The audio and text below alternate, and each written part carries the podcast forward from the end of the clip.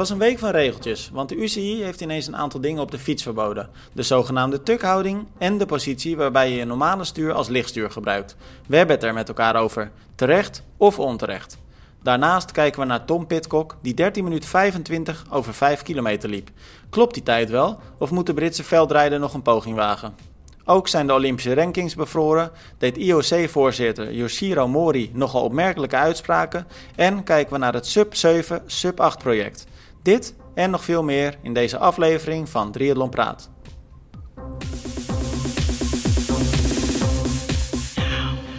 Ja jongens, regels, regels, regels. Het was me een, eh, een weekje vol met regels.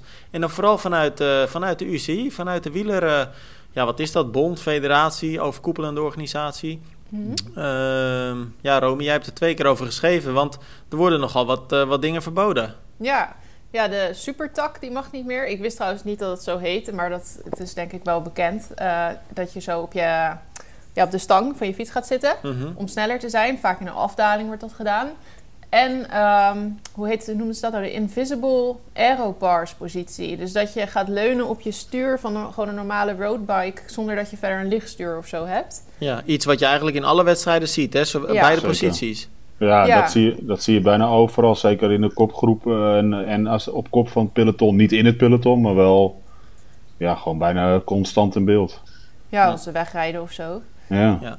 Nou, je kunt er natuurlijk van alles over zeggen. pardon. Je kunt er van alles over zeggen dat, uh, dat die regels uh, ja, uh, nodig worden geacht. Maar wat vinden jullie er zelf van, jongens? Ik bedoel, ik, ik zat een beetje op internet te kijken, ook onder ons eigen artikel, maar ik zag het ook op een aantal andere websites voorbij komen. En de reacties die, ja, die waren soms best wel fel. Mm. Veel mensen lijken het niet helemaal te begrijpen. Ja. Ik, kijk, ik ben er heel dubbel in. Kijk, aan de ene kant, zoals, kijk, die. die ehm, onzichtbare aerobars houding, daar, daar vind ik ja, je, je hebt niet je handen bij, bij de rem, dus het, het kan gevaarlijk zijn. Maar ja, het, het wordt nou niet midden in een peloton gedaan, dat soort posities. Het is eigenlijk altijd in een vluchtgroepje waar je kop over kop draait. Uh, da, ga je dan ook lichtsturen verbieden als je een teamtime tow rijdt, weet je wel? Ja, je ziet het, je ziet het wel uh, vaak toch nog wel in de achtervolging, in de, in de, zeker in de, de kopposities van het peloton. Ja, dan ja, wel, maar, dat maar, dan, maar dan rij je niet stuur aan stuur.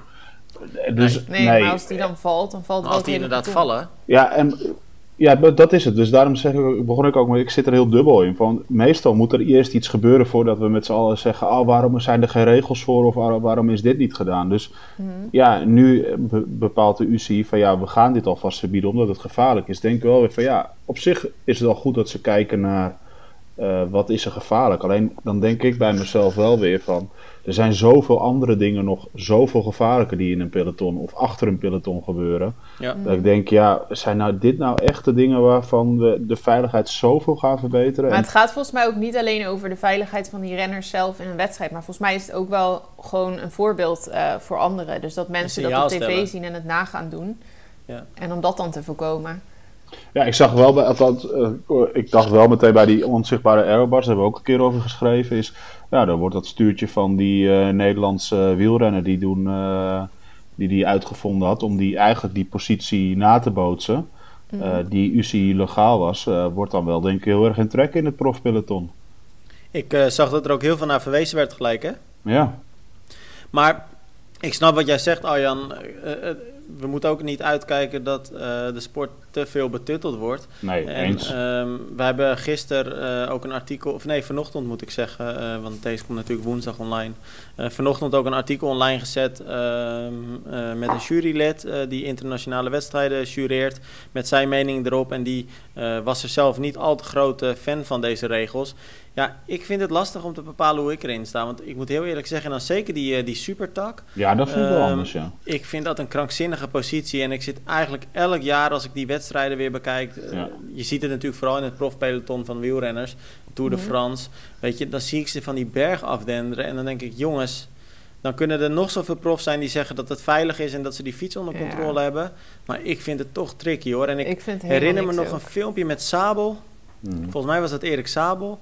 Dat hij ook in, de, in zo'n afdaling ging hij over de 100. En dan zag je ook echt net voordat hij viel, zag je dus dat die, uh, ja, die motor erachter over de 100 km per uur reed.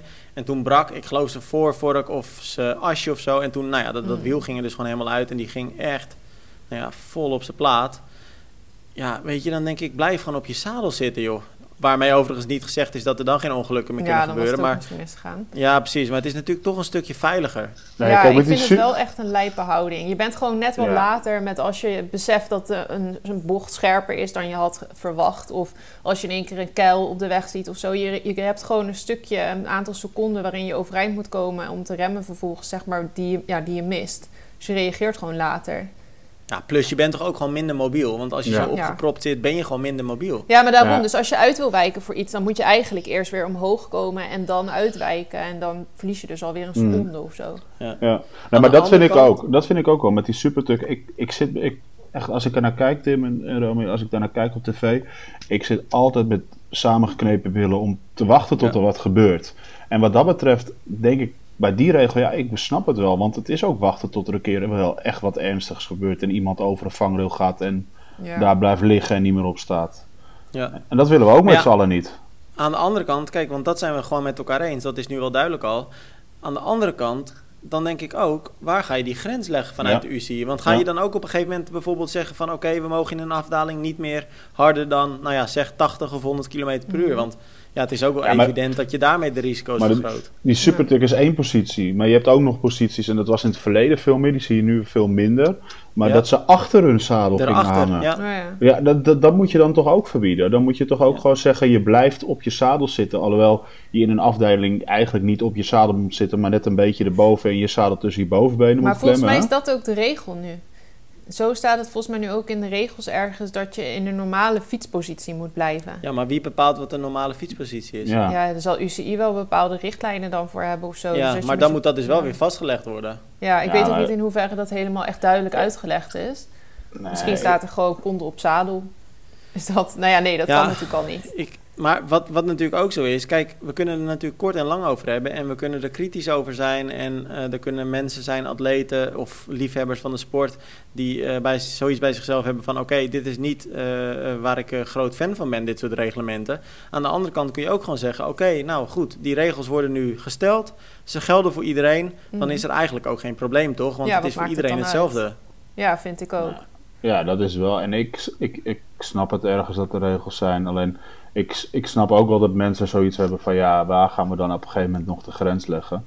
Ja. Ehm, en ik vind het wel een hele goede wat Roby zegt, zo ik er nog niet eens zelf over nagedacht. Van zo'n supertuk, dat gaan mensen natuurlijk zelf, eh, eh, amateurs in de Alpen, Ja. ook nadoen.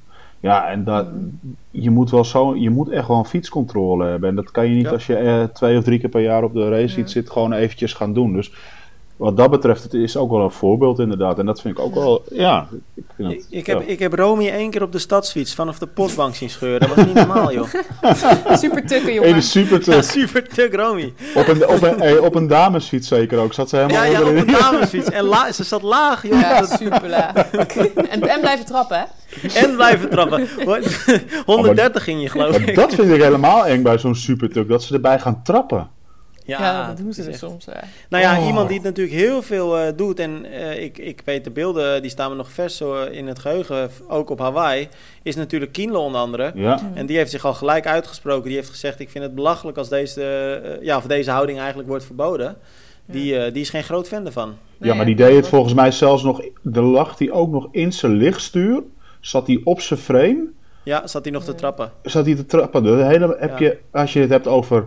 Dan helemaal, als je terug moet omdat er wat gebeurt... Dan moet je en je handen van je stuur af. En, oh, eh, nou, dat is helemaal eh, Ja. nog een stapje gevaarlijker. Ja, Ja, en dan echt, in eh, Kienle heb ik wel vertrouwen dat dat iemand is die gewoon één is met zijn fiets en die dat heel goed aanvoelt. Maar dan nog Ja, maar dan nog, Romy. iets- Je, Ja. je, ver- je vergroot echt het risico op Ja, een je neemt valpartij. gewoon risico. En ja. als je valt, dan ga je hard hoor. Ja. Ja, ja. Nou, ik ken iemand die... eh, nou, trouwens twee dingen. Want we hebben een filmpje vandaag gedeeld van eh, Noorse vloggers... die eh, trainden met het eh, nationale team van Noor- eh, Noorwegen.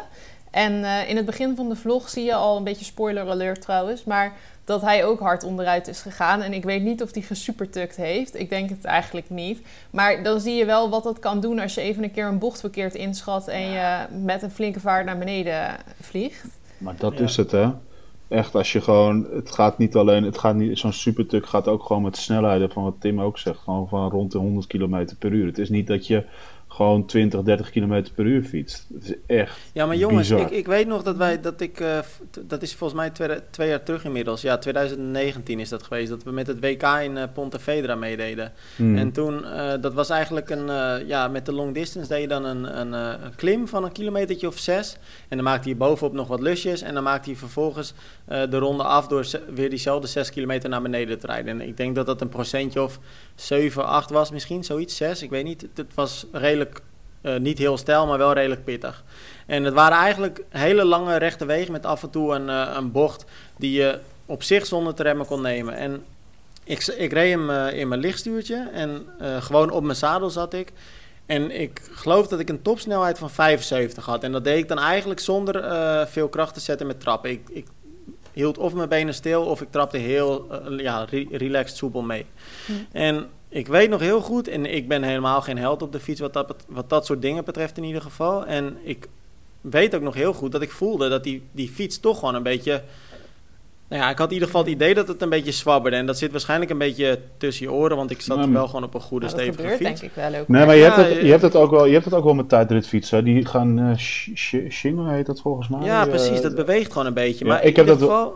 Ik heb dat wel eens meegemaakt. Was ik met Chris Brands op trainingskamp in Zuid-Afrika met de zijwind. En die zat toen op zo'n Cervelo P1, 2, Ja, dan krijg 3. je een oplawaaier hoor. Maar die, ging, die kon gewoon Dat was gewoon een, eh, in Zuid-Afrika een rechte weg naar beneden, serieus. Maar die kon gewoon zijn fiets niet recht houden. Die ging gewoon Nee. helemaal naar de andere kant van de weg toe. Ja, ja, ja. Echt gevaarlijk hoor. ja dat is echt eh, bizar. En maar wat ik wilde zeggen is, eh, ik, ik reed dus met die snelheid en toen dacht ik, nou, dit gaat wel, wel hard. En toen kwam dat kopgroepje, want het was een rondje van, eh, het waren vier rondjes geloof ik, of drie. En ehm, die pro's die, die haalden mij toen in, die zaten toen een ronde voor me. En nou, alsof ik stil stond. Hmm. En ik keek daarnaar en ik dacht, dit kan gewoon niet normaal, dit, dit kan gewoon niet veilig zijn joh. Maar die gasten die denken er ook helemaal niet bij na, hè? Die, die zetten gewoon hun verstand op nul. Mhm. Ja, maar het dat is hoort het er een ook. beetje bij of zo, ook dat risico nemen of zo. Ik hoor ook vaak maar als moet mensen dan op kunnen. trainingstage zijn geweest, dan gaan ze daar ook uitgebreid over vertellen, over hoe hard ze gingen in de afdalingen. En dat lijkt wel een van de leukste dingen dan aan die hele stage, zeg maar. Ja. Ja, maar ik, nou, had ik het, moet ik, er niet weet, denken. ik weet ook wel dat als ik op stage was, dat het, was het ook wel gewoon cool om inderdaad hard te gaan en zo gek te doen. En ik heb wel eens op stage geweest, jongen, en dan reden jongens, en ik, ge- volgens mij Raymond Lots was dat in de tijd het Adering-team. Nou, voor, die kon, nie- niemand kon hem volgen, jongen. Dus die, die, die vloog de, daadwerkelijk de berg af. En ja, die, die kon ook alles op zijn fiets. En dat Ja. was ook wat Romy net zegt, net zoals zo'n Kindle die waarschijnlijk één is met zijn fiets. Het zijn ook jongens die helemaal eens zijn met de fiets. En ik dacht ook wel dat ik redelijk één was met de fiets, maar je wordt er gewoon gigantisch afgereden. Ja. Hm. Nou ja, dat zie je ook altijd toch weer in de Tour de France. Hè, dat je echt altijd die specialisten in de afdaling Ja. hebt. Ja? Die rijden altijd weg of ze maken een gaatje weer eh, kleiner of dicht. Ja, Maar toch ook omdat ze risico durven nemen dan dus. precies. Ja, risico, maar ook, het ligt ook gewoon aan bochten aan kunnen snijden en Ja. goed Ja, kunnen inschatten hoe een bocht loopt eh, en, en, en dus de goede, de goede lijnen pakken. Ja. Want dat Ja. kunnen een heleboel mensen ook niet. Gewoon zien hoe iets loopt of hoe de, hoe- welke kant Ja. het op de, draait.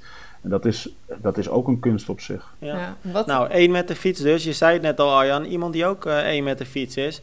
Dat is eh, op zeker Tom Pitcock. Dat is een, eh, een eh, Britse veldrijder. En eh, de mensen die ehm, twee weken terug het WK veldrijden hebben gekeken in eh, België... waar Mathieu van der Poel natuurlijk wereldkampioen werd op zijn canyon... ehm, die ehm, werd daar vierde, Tom Pitcock. En hard fietsen kan hij dus sowieso. Maar nou bleek dit weekend, en het is toch wel een verrassend filmpje... waar ook eh, best wel heel veel over gesproken wordt... dat hij hard kan lopen. Want hij postte een, eh, een bericht op Instagram en op Strava... waarin hij een 5 kilometer had gelopen in 13 minuten 25. Ja, dan is het gelijk de vraag... hoe betrouwbaar is dit? ja. Ja, ik, eh, ik heb geen idee. Ik weet wel dat die jongens, die, die veldrijders, allemaal op zich wel allemaal wel goed kunnen lopen. Eh, maar 13, Zo 25 is echt wel, is echt wel Ja. Ja, En dan ook gewoon je zit een even paar zo doen. seconden. Ja, en je zit een paar seconden boven het voormalig wereldrecord, dat tot voor kort nog het wereldrecord was. kan Ja. niet. Ja, eigenlijk kan het gewoon bijna Maar je niet. ziet toch ook Nee. hoe hij in dat filmpje hoe hij loopt, want daar komt ook heel veel commentaar op. Het ziet er helemaal niet snel uit. En nou is een filmpje. Nee, en met een regenjekkie aan. Sorry? Met een regenjekkie ook aan. Ja, het ziet er echt Ja. totaal niet snel uit. Dus ik. Maar ja, aan de andere kant, Romy, kijk, want dat ben ik helemaal met je eens hoor. En eerlijk gezegd, eh gebied eerlijkheid mij ook te zeggen eh, dat ik, ja, ik kan me niet voorstellen dat dit klopt. Aan de andere kant kijk, hij is natuurlijk een, een topsporter. En hij begrijpt denk ik als geen ander dat als hij zoiets online zet, dat het ook wel moet kloppen. Hij gaat niet zoiets verzinnen. En het zou kunnen dat uh, Strava niet helemaal accuraat is. Dan zijn er ook wat verhalen uh, van mensen die zeggen dat ze eerste kilometer gewoon 0 seconden weergeeft. Ja. Nou, ik heb op zijn Strava gekeken. Ik zie dat eerlijk gezegd niet terug. Maar goed, ik weet ja, niet. Dat, ik, ik klopt wel. De eerste kilometer gaf inderdaad, de tussentijden gaf 0 seconden inderdaad. Alleen volgens maar waar mij, staat dat dan? Want ik zie dat niet op Strava Bij staan. tussentijden. Ik heb dat gezien bij, als je naar sport, Sportza gaat. Want daar was een heel artikel ook uh, met zijn... Uh, toen, we, toen jij gaf van, ja, we gaan het hier even over hebben. Wat gezocht uh, naar wat achtergrond. op Sportza was zijn trainer, persoonlijk trainer, die aan het woord kwam. en die gaf ook van, ja, Tom gaf zelf ook wel meteen aan dat hij wel dacht, dit is wel heel erg hard. hard en de waarheid ligt ergens in het midden. Um, maar hij gaf daar ook wel op stage met Ine, Ineo, of Ineos. Uh, Ineos. Mhm. Mm -hmm. uh, liep uh, Pitcock op een gegeven moment een steile berg op van 18 à 20 procent. En toen liep hij twee minuten van het Strava-record, wat daar stond door ook best wel grote, grote hardlopers, liep hij er gewoon van af. Dus hij kan ook echt hard lopen. Alleen zijn persoonlijke begeleider zegt wel, nou, het gaat waarschijnlijk eerder richting de 14 minuten dat er wel iets van GPS-fout Ja. in zit. Maar eh, het zal geen 1325 zijn. Ik, eh, ook, weet niet Maar we- hoe je de- of ik kan dat niet echt heel goed analyseren hoor. Maar ik, ik zie wel eens van die maps voorbij komen. Dat je dan zo'n eh, een Strava map, zeg maar.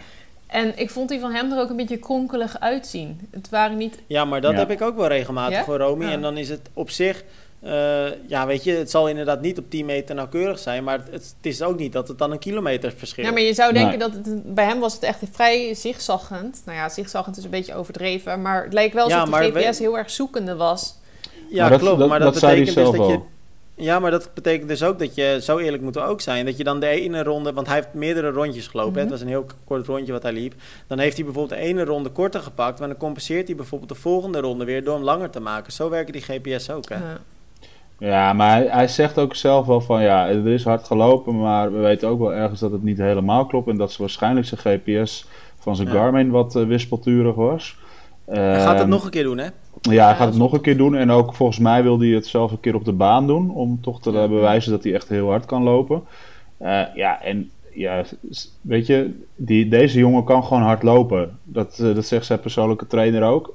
Wacht, wacht maar af tot hij zich echt op het lopen gaat richten. Dan kan hij gewoon met de Europese top mee. Nou, als hij nou ook nog even gaat Ja, zwemmen, of-? Ik, nou, ik wilde net zeggen, wat dacht je van duathlon? Ja, nou, maar hoef je niet te zwemmen. ik weet... Nee, Nee, juist daarom. Maar dit, dat is natuurlijk juist daarom. Ik denk dat hij sterker zal zijn in een Ja, duathlon dan tijdens een triathlon.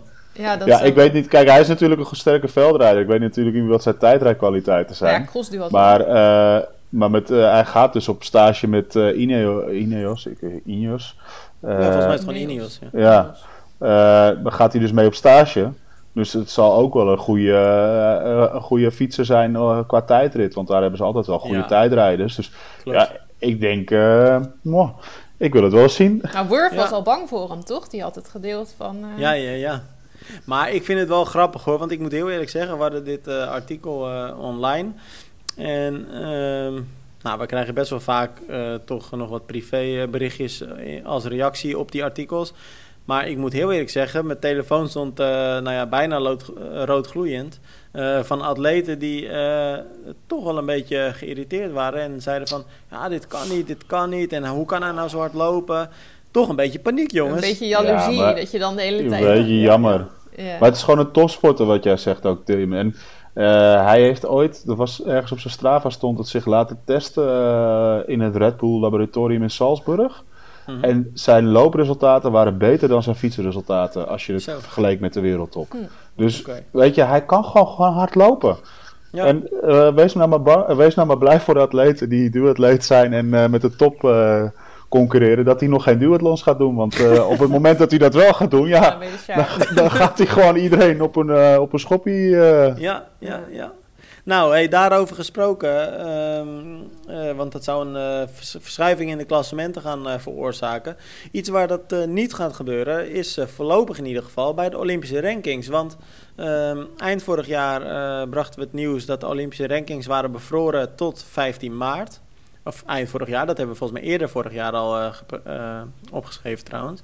Eh, maar nu, vorige week, heeft ehm, hebben ze bekendgemaakt dat het nou ja, nog langer gaat duren, namelijk tot 1 mei. Dus tot 1 mei geen World Cups, geen wedstrijden waar je punten kunt verdienen voor de Olympische rankings.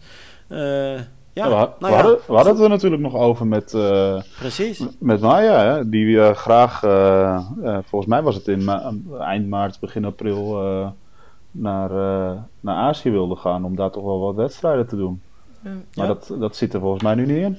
Maar wat dat betreft heeft ze ook wel geluk, tussen haakjes, Um, dat ze net daarvoor dus gehoord heeft dat ze zich wel gekwalificeerd heeft. Want dat is toch wel een extra rust dan. Want ze zei natuurlijk vorige week al, dat, dat geeft een beetje rust. Ja. Nou ja, ik kan me voorstellen dat dat nu des te meer geldt. Omdat je weet, oké, tot 1 mei hoefde ik sowieso dus al geen punten meer te halen. Ja, ja, ja, ja maar ik denk dat het ook wel raar is hoor. Voor, want wanneer, wanneer is de Olympische Spelen ook weer? Want ik, ik 2 of 23 juli start ja, ja, dan start hier. Dus dat betekent dat je gewoon... Uh, nou, wat is het? Twee, twee volle maanden nog hebt om resultaten neer te zetten.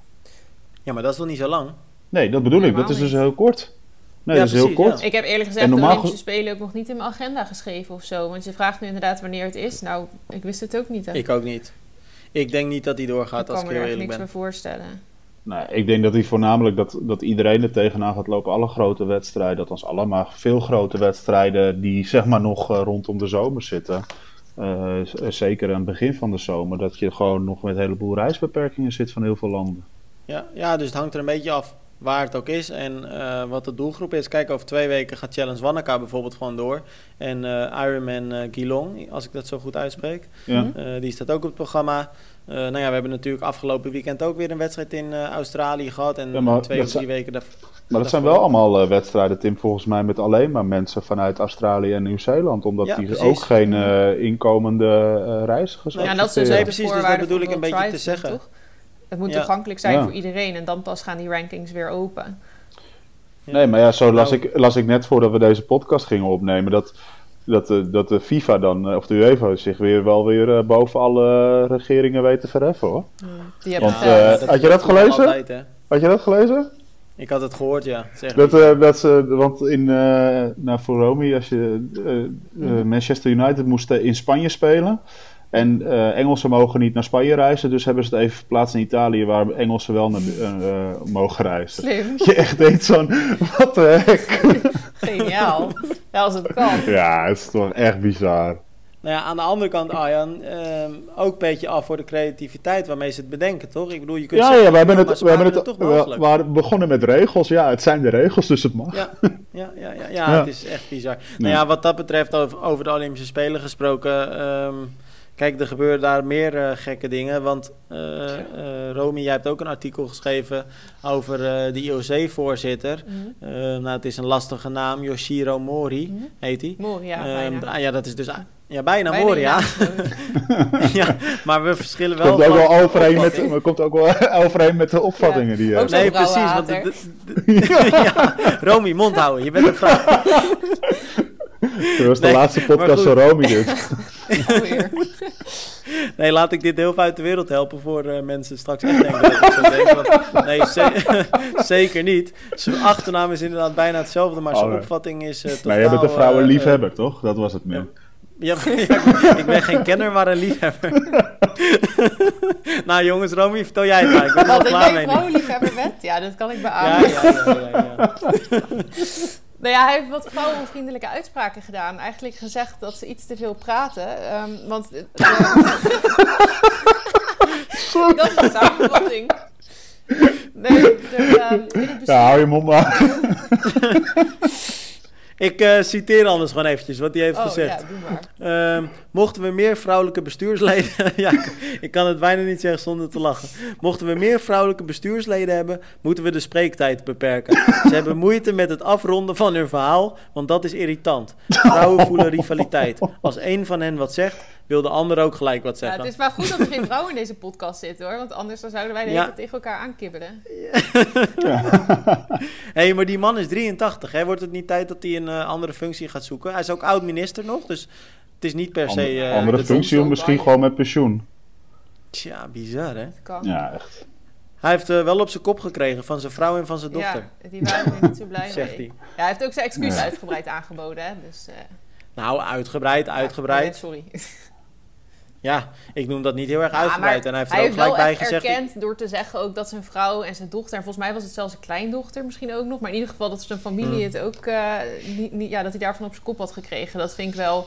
Dan laat je wel merken dat het echt niet oké was dat hij dat inziet. Ja, maar als ik heel eerlijk ben, heb ik eerder zoiets van eh, dat hij dat zegt om het een beetje te lijmen.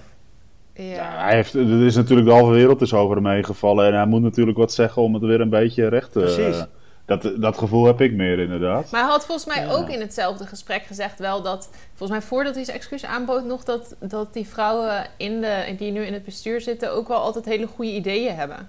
Ja, dat wel, hè? Ja, Ja. ja, maar je moet het natuurlijk wel een beetje recht wat krom ja, daarom, Ja. ik wil het een beetje opnemen voor meneer Mori. Ja, weet maar nooit. het is Ja, wel heel typisch dat uitgerekend de enige vrouw in deze podcast het dan opneemt voor Meneer dit soort uitspraken. Ja, nee, oké, het kan niet. Natuurlijk kan het niet. Het is belachelijk. Dat is natuurlijk wat het uiteindelijk is. Maar goed, misschien dat die man... Dan denk ik toch wel weer... Nou ja, weet je, er zijn ook wel bepaalde vrouwen die veel spreektijd willen. Zo is het ook. Ja, maar weet je wat het is? Je zegt toch wel eens iets stoms? Ja, ik herken me daarin. Ik zeg ook heel vaak iets stoms, ook in deze podcast. Misschien nu dus wel weer. Maar ja, Klopt. misschien was het gewoon een hele domme mo- momentopname, denk ik dan. Ja, Ja, dat is wel maar stom. maar dit- dat is wel dit- stom als je, als je voorzitter bent Ja, met zo'n eh, kan dat natuurlijk niet. Ja, met zo'n functie en, en dat je het dan eh, in een interview zegt. Ja, nee, daarom En al helemaal als je bedenkt dat het IOC zich natuurlijk al jaren hard maakt voor gelijkheid. ja, ja, ja, dus Ja. ja. met Japan is natuurlijk toch Wat- wel weer wat maar- anders hoe dat daar gaat misschien. zeg ik nou weer. Maar ja, weet je, Wat is dit nou weer voor opmerking? Alsof dat in Japan heel normaal is. Nou, ik denk eerlijk gezegd dat dat daar wel meer een probleem zal zijn dan in, in veel andere landen, toch? Nou, ik heb het idee dat in Japan eh, mensen wel redelijk gelijk aan elkaar Ja. zijn. Ik heb geen idee of dat klopt, maar dat idee heb ik ik wel. ben Geen- eerlijk gezegd ik heb in geen Japan idee. geweest, dus ik heb ook geen idee. Maar ik, ik heb echt geen idee. Maar wat ik, wat ik wel veel, wat ik veel shockender vind, en dat is waar we het daarvoor over hadden, want dat was in hetzelfde artikel wat jij schreef, Romy, Mhm. dat 80% van de Japanners de, de spelen niet meer zit zitten. Ja. ja, ik snap het wel. Ja, vind je het gek? Ja. Ja, echt bizar. Als wij de Spelen zouden hosten, dan zou ik misschien ook wel zeggen van... nou, doe even niet. Dan zitten we nog veel langer op slot. Nee, ja, maar, maar we mogen zo direct wel, eh, omdat de Kamermeerderheid dat wilde, een Elfstedentocht organiseren. Ja, oké, dat vind ik dan wel weer dat nee, alleen voor pro's, hè? Hm? Alleen voor pro's dan, hè? ja, Ja, maar ja, weet je, ja, het is toch wel een verkeerd signaal afgeven, denk ik dan. ja, maar ik denk dat het Nee. wel goed is ook om even iets leuks te hebben. Het zou echt fijn zijn als dat kan. Toch weer een beetje iets positiefs een keer. Ja, dat wel, ja. Sowieso die sneeuw is wel eh op, opbeurend. Ja, dat vind je wel genieten. Ja, hè, ik vind het heerlijk. Ik ging gisteren even... Je was gisteren met een overlevingskit de natuur ingegaan, had ik gezien. Ja, ik heb gekampeerd. Ik heb daar ook overnacht. Oh ja, dan heb je die foto van Romy gezien? Ja, ja, ja zeker. Gaat ze, gaat ze een wandelingetje in de sneeuw maken. Ze heeft een rugzak 32 op. liter nou, kan erin. Daar, daar Ja. past mijn complete appartement in. Ja, ja. echt- ik, ik zeg dus, ik zeg tegen Romy, wat, wat heb je nou allemaal bij je, joh? Nou, ik had natuurlijk weer geen duidelijk antwoord op.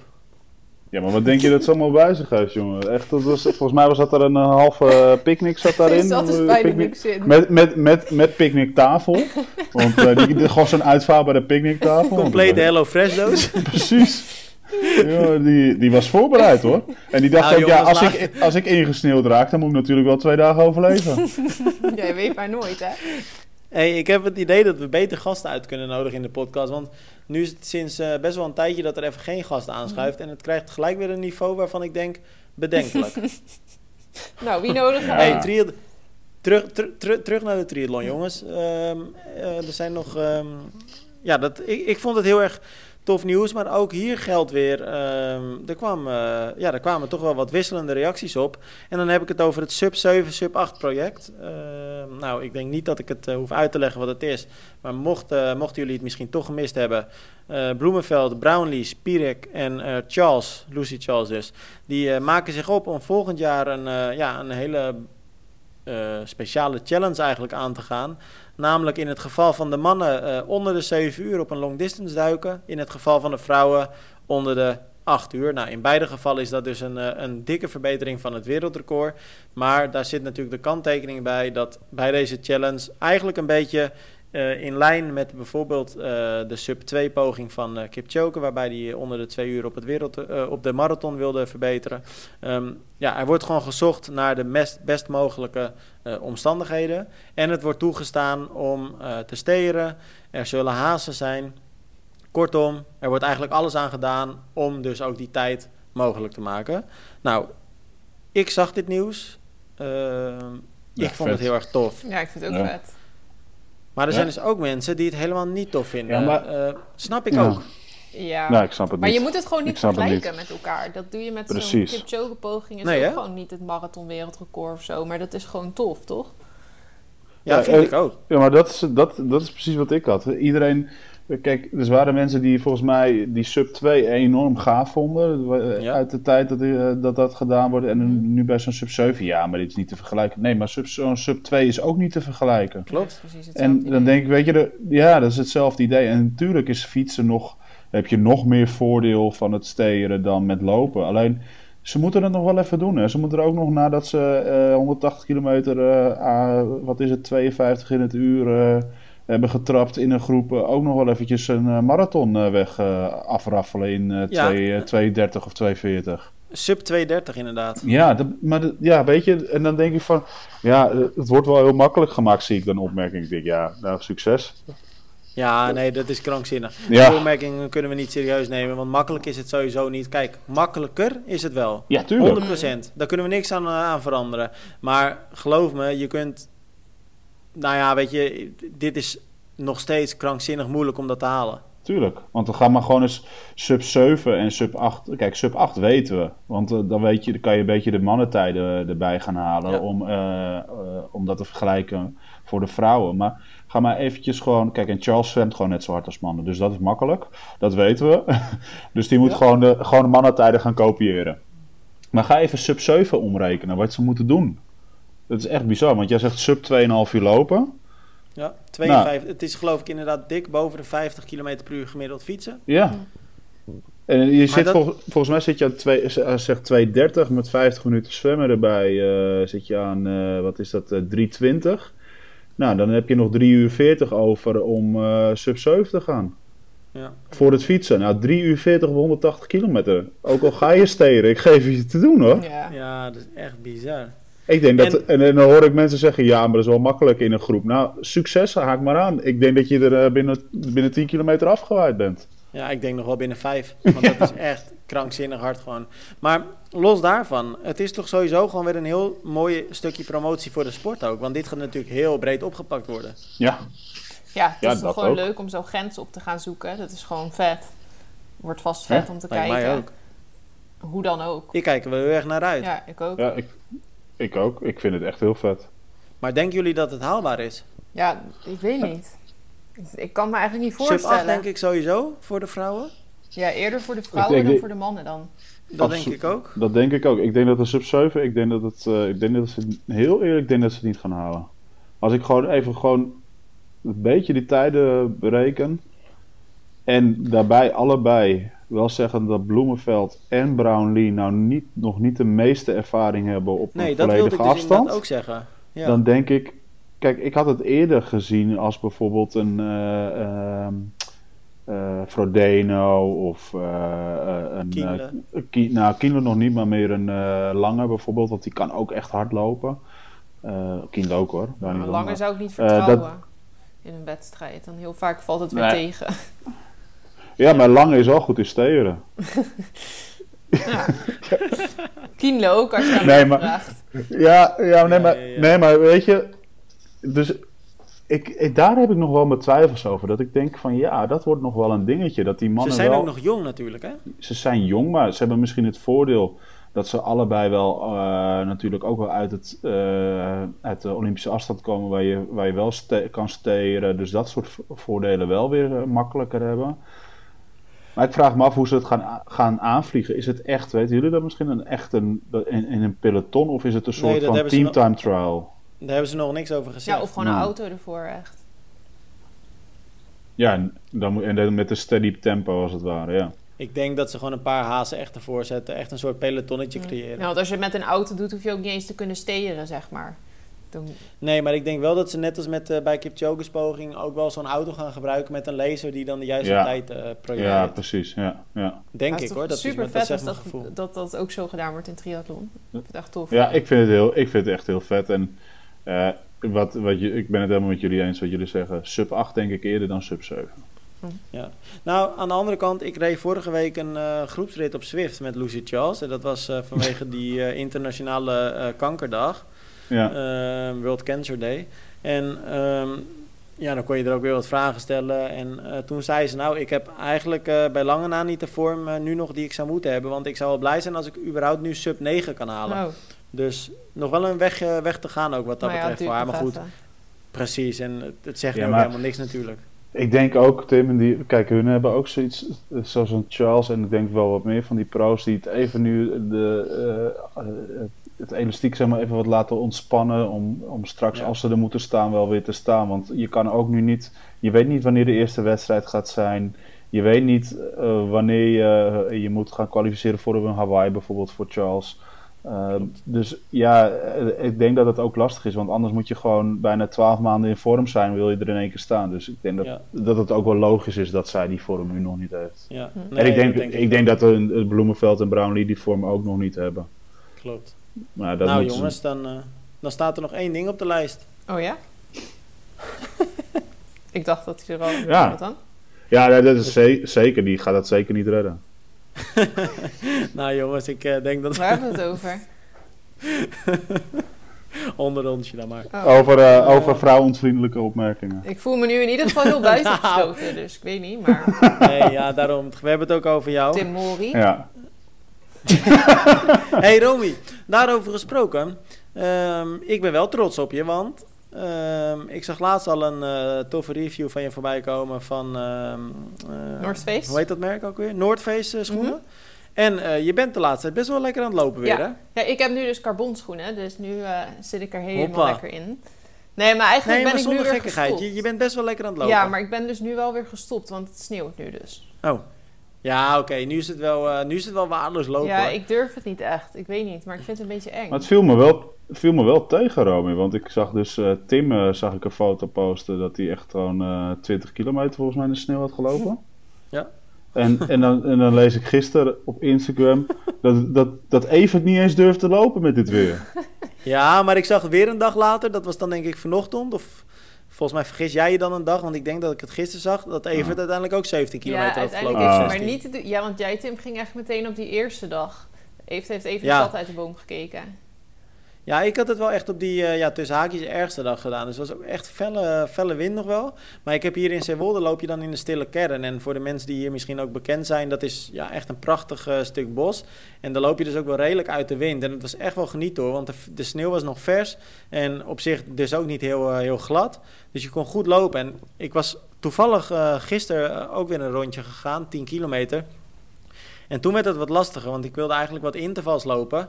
En ja, van de 10 kilometer uh, waren er eigenlijk maar drie uh, uh, ja, goed begaanbaar ja. qua, de, qua weg, zeg maar. Ja. Dus dan wordt het wel wat lastiger om je intervals nu te lopen. En dat is wel balen. Maar ik denk dat er bij jullie wel even een stukje minder gevallen zal zijn ook. Want zeker die eerste dag, wij hadden toen al, volgens mij, ja, misschien overdrijf ik, maar volgens mij was het al 20 centimeter of zo. Je moest echt je voeten Dat hebben wij hier ook. Huh? Ja, maar dat hebben wij ook. Ja. Want je moest echt je voeten helemaal zo optillen. Je zakte er echt in weg. Ja nou, wij hebben hier een uh, balkon, uh, een dakterras eigenlijk meer. En um, daar heeft de wind op gestaan. Dus de rechterkant is zeg maar helemaal uh, leeg. Maar de linkerkant, en ik overdrijf het niet. Ik zal jullie straks eens een, fo een foto sturen. Um, daar ligt het gewoon tot, nou ik denk wel 60 centimeter hoog. Oh. Echt bizar. We hebben dat in de tuin ook. We hebben de tuin achter staat de wind richting, richting ons huis. Echt op ons terras ligt Nou, we zijn gisteren met, met onze kinderen in de tuin geweest. Uh, ik zakte serieus tot mijn knieën gewoon uh, in, de, in de sneeuw weg. Dat was echt oh. uh, niet normaal. Nee. Maar wel, nou, wel, het is wel, leuk hoor. Wel super mooi. En ja, ik hoop dat, dat er zijn veel triatleten die ook schaatsliefhebbers zijn. Dat het ijs nog wat wordt de, de, deze week om... Ja, ik verwacht het wel. Ja. Maar jongens, hoe zuur zou het zijn als er nou straks echt een Elstede toch mogelijk zou zijn? Ja, echt. Oh, dat, daar kan ik bijna om nou, al die jaren. Dat zou toch echt erg zijn? Nou ja, wat, ik, wat, ik dan, wat mij verbaast is dat ik uh, inderdaad, van, er wordt gezegd, uh, wat gisteren las ik zo'n artikel over, dat de Tweede Kamer het misschien wel mogelijk wil maken, inderdaad voor pro's alleen. Uh, maar dat er vanmorgen een reactie komt van het bestuur van de stichting Elfstedentocht. Nou, het gaat sowieso niet komen. Dus ik denk, ja, hm. ja, ja, dat zal wel jammer zijn natuurlijk. Ja, super jammer. Dat is echt zuur. Nou ja, we gaan het, uh, we gaan het zien. Ja. Ehm, Ik zou zeggen, zet de komende dagen de verwarming wel lekker hoog, want het wordt echt eh, koud. Ik zag temperaturen van min 15, min 16 eh, in de nacht. Ehm, ze hopen het record te verbreken. Met, dat staat, eh, staat op min 22,9. zo. Dat hopen ze te Nou, verbreken. Ja, dat hopen de meteorologen hopen dat, dat dat verbroken gaat worden. Want dat is wel echt iets unieks. Ah. Nou, ik hoop dat we er ver vandaan blijven. ja, die stookrekening die eh, stijgt de pan uit hier. jongens, ik spreek jullie eh, volgende week weer. Thanks. weer. Yes. Hey, later.